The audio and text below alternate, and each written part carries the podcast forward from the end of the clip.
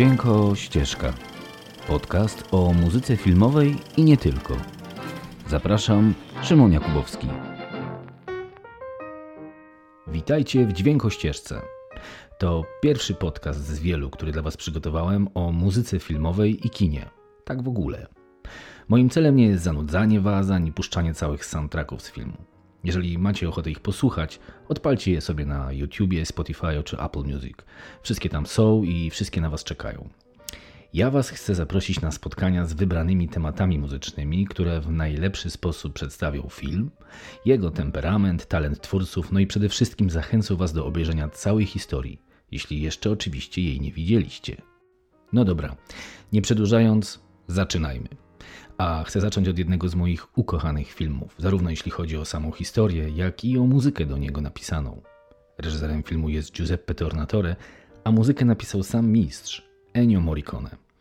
Jeżeli jeszcze nie wiecie o jakim filmie mówię, to zamknijcie oczy i przenieście się na południe Europy. Konkretnie do Włoch. Jeszcze konkretniej południowa wyspa, Sycylia. Czas akcji tuż po II wojnie światowej. Pora roku wieczne lato. A bohaterowie to mały sześcioletni Salvatore, przez wszystkich nazywany Toto, no i Alfredo, kinooperator Maruda. Jeśli nadal nie wiecie, o jakim filmie dziś chcę Wam opowiedzieć, to chyba Wam zazdroszczę, bo przed Wami do obejrzenia jeden z najpiękniejszych filmów zrobionych ever. No dobra, ale dosyć gadania. Posłuchajmy mistrza Morricone, bo to właśnie on dziś zaprasza do kina zwanego Rajem, a konkretnie do Cinema Paradiso.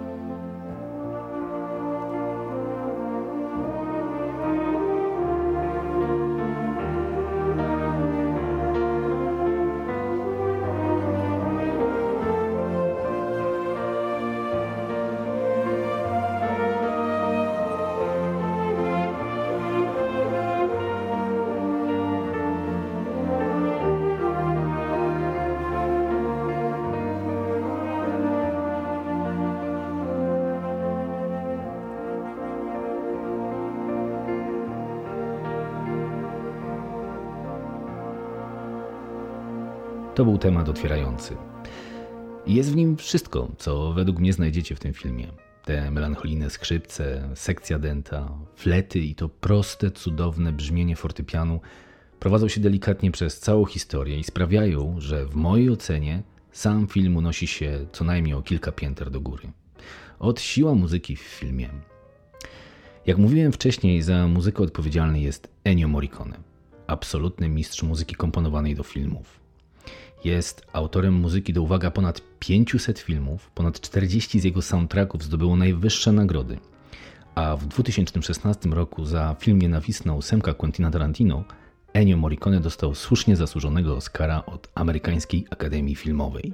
I jeszcze ciekawostka, Morricone zaczął komponować w wieku lat 6, ale gdy miał lat 8, poznał kolegę od kumpel z klasy ze szkoły podstawowej w Rzymie. Jednak najfajniejsze w tej historii jest to, że kolega nazywa się Sergio Leone. I choć kiedy panowie się poznali, pewnie większość czasu spędzali na graniu w piłę albo strzelaniu z procy, to już za 40 lat mieli na stałe wpisać się w historię kina, pracując przy takich filmach jak Za garść dolarów, Dobry, zły i brzydki, czy pewnego razu na Dzikim Zachodzie. No ale wróćmy do naszego dzisiejszego filmu, bo przecież Morricone to nie tylko spaghetti western.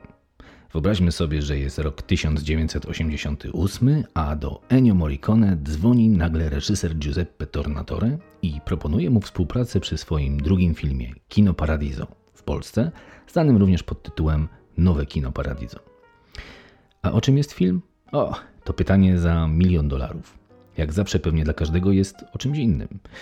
Dla mnie to przede wszystkim film o miłości do kina. Dlatego tak bardzo go sam lubię. O tym, że nie ma jednej uniwersalnej racji, czym jest kino. Czy jesteś widzem amatorem, czy uznanym twórcą, no nie ma jednej drogi. No ale po kolei. Zacznijmy od samej historii.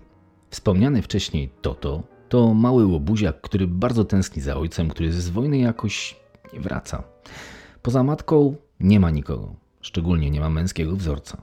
I tak trafia na Alfredo, kinooperatora z lokalnego kina tytułowego Cinema Paradiso. No i tu zaczyna się wielka przygoda dla małego Toto. Alfredo to maruda, ale to naprawdę dobry człowiek. Kocha kino jak może kochać je prosty człowiek z rybackiej wioski. Szczerze i z podziwem. Z pobliskiego miasteczka dowozi kopii filmów na rowerze. Na zlecenie księdza wycina wszystkie sceny pocałunków z filmów, żeby nie gorszyć mieszkańców wioski. No i nagle sam nie wie kiedy zaczyna zajmować się małym Toto i uczyć go wszystkiego, co sam umie. I tak rozwija się jedna z najpiękniejszych przyjaźni dziecka i dorosłego faceta w historii kinematografii. A jak Morricone słyszy przyjaźń? Może nie gadajmy o tym. Po prostu posłuchajmy, bo przed nami temat Toto i Alfredo.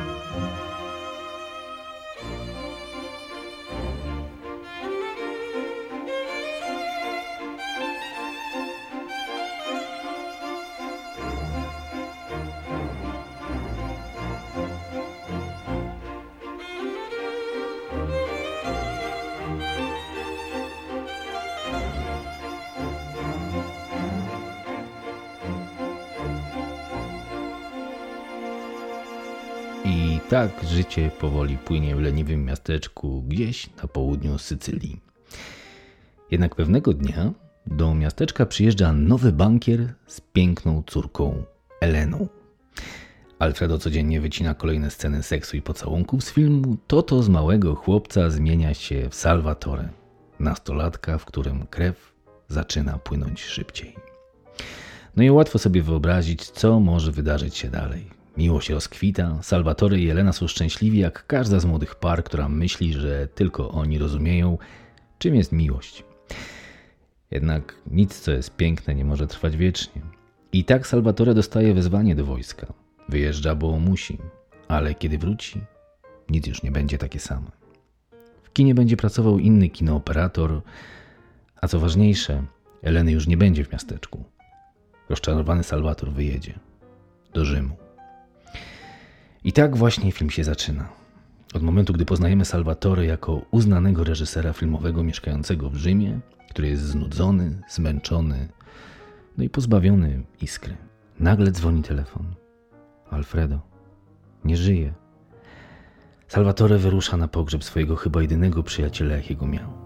Wyrusza w podróż, która jest podróżą w czasie i przestrzeni.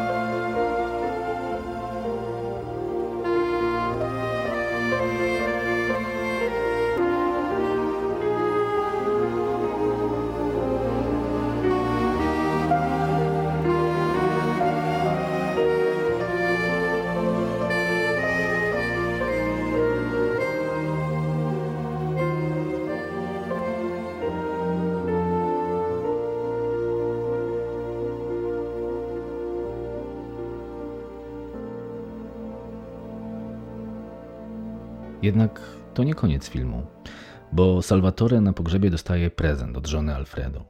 Starą puszkę z taśmą filmową.